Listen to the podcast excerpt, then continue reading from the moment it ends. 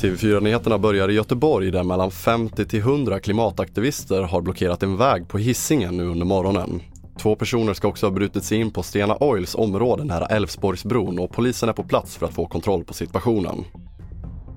Och nu på förmiddagen så kommer hovrättsdomen mot en 30-årig man som pekats ut som den ansvarige för droghandelsplatsen Flugsvamp 2.0.